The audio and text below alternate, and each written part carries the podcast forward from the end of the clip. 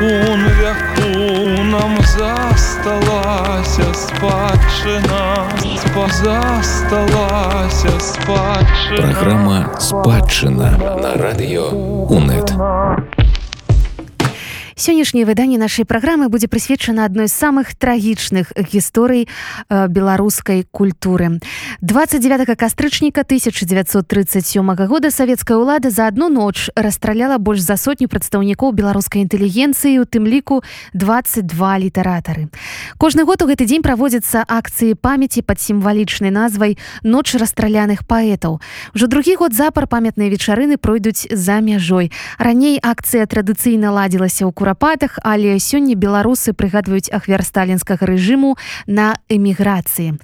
Радыёнет таксама запросіць вас далучыцца да памятнай акцыі. Ў нашым эфіры прагучаць вершы нерастраляных паэтаў. Іх прачытаюць вядомыя беларусы сярод якіх напрыклад паэт і перакладчык Андрей хаданович мойшы кульбак фрагмент з паэмы райсон. Беларусь бабуля сышла у царства небеснае. Спявалі птушки ўсе калі не стала старенькая бабуля, бо праведнасць і ласку у ейным сэрцы усе на свеце чулі. Калі бабулечку спускалі з ложка, маўчалі ўсе наўкола. І не было ні ляманту, ні стогну, калі паклалі долу. Хадзіў па доме дзед, ушчэнт разбіты, не бачыў анікога, бо сам ён першым жонацы памерці паабяцаў нябога калі бабулю неслі па мястэчку. Тужылі жыхары ўсе. Няма няма ўжо шлёміхі старое! І поп васіль журыўся. І толькі калі шамасаў сцізорык надрэзаў апранахі. Мае дзядзькі загаласілі быццам. Разбойнікі ля плахі пераклад з'едзешу мой! Праграма спадчына на радыё УНэт. Да акцыі ноч расстраляных паэтаў далучыцца беларусы ўсяго свету. Вільні Тбілісі, варшава і рыга, Львоў і Прага, Лондан, Батумі, Бостон. Ноч расстралянай паэзіі пройдзе і ў кракаве. Там адбудзецца прэзентацыя літаратурнага часопіса Таўбін.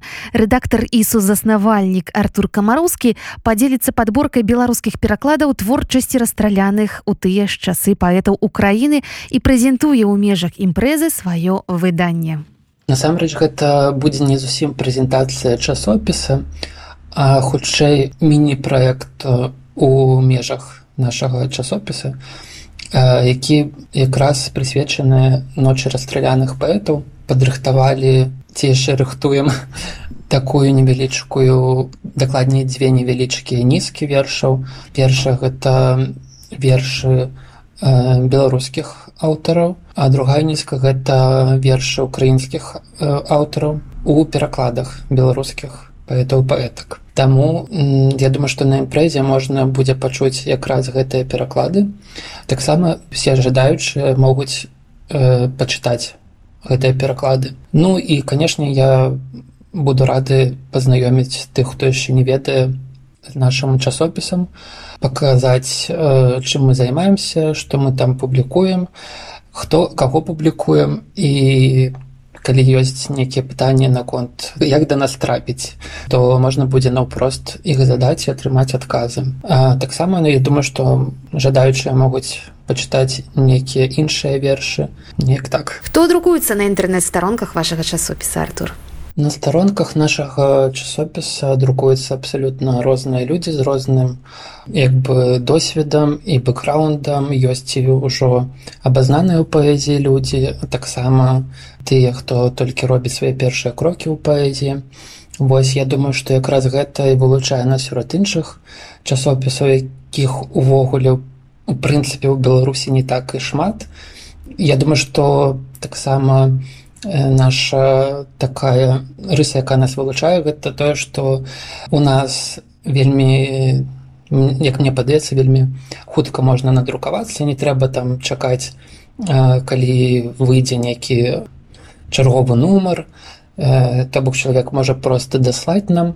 Мы як бы зробім нейкія рэдактарскія праўкі ці карэктарскія будзем узгадняць гэта ўсё з аўтарам ці аўтаркай і тады просто можем надрукаваць нам не трэба чакаць нейкай пэўнай даты для гэтага і я думаю что гэта вельмі круто тому что гэта магчымасць э, не толькі для аўтараў. Вельмі хутка нешта недзе апублікаваць але і гэта вельмі круто для чытачоў тому что яны могуць рэгулярна чытаць новую свежую паэзію якое ваше стаўленне што вы адчуваеце ў гэтую дату трагічную дату для нашай беларускай гісторыі не толькі як выдаўца не толькі як рэдактор не толькі як аўтар а як беларус? Зараз даволі складана нешта казаць пра гэтую трагічную дату у звязку з тым што зараз адбываецца па ўсім свеце. І да таго ж я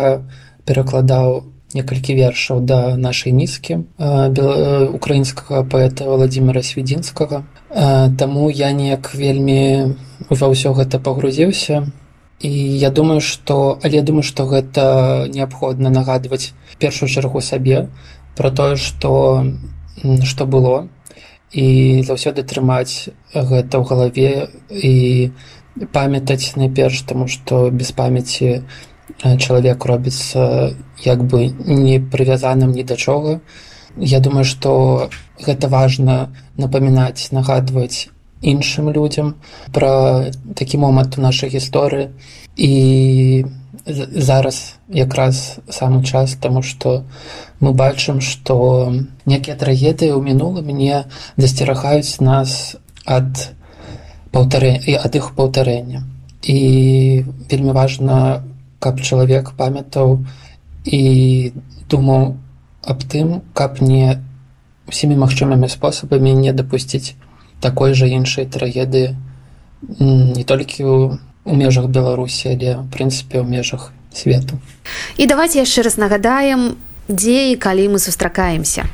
Мерапрыемства адбудзецца ў кракаве па адрасе вуліца краковская 19 на другім паверсе Гэта будзе 29 кастрычніка пятой гадзіне увечары всех запрашаю.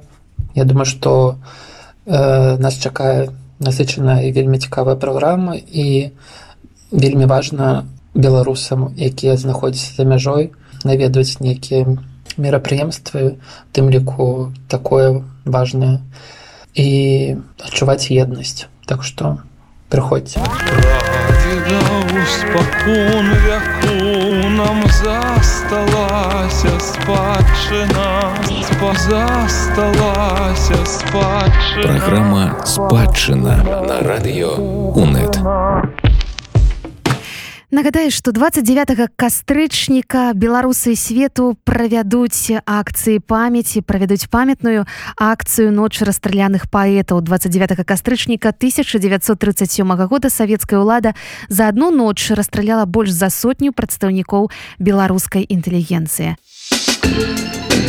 Радыё у нет.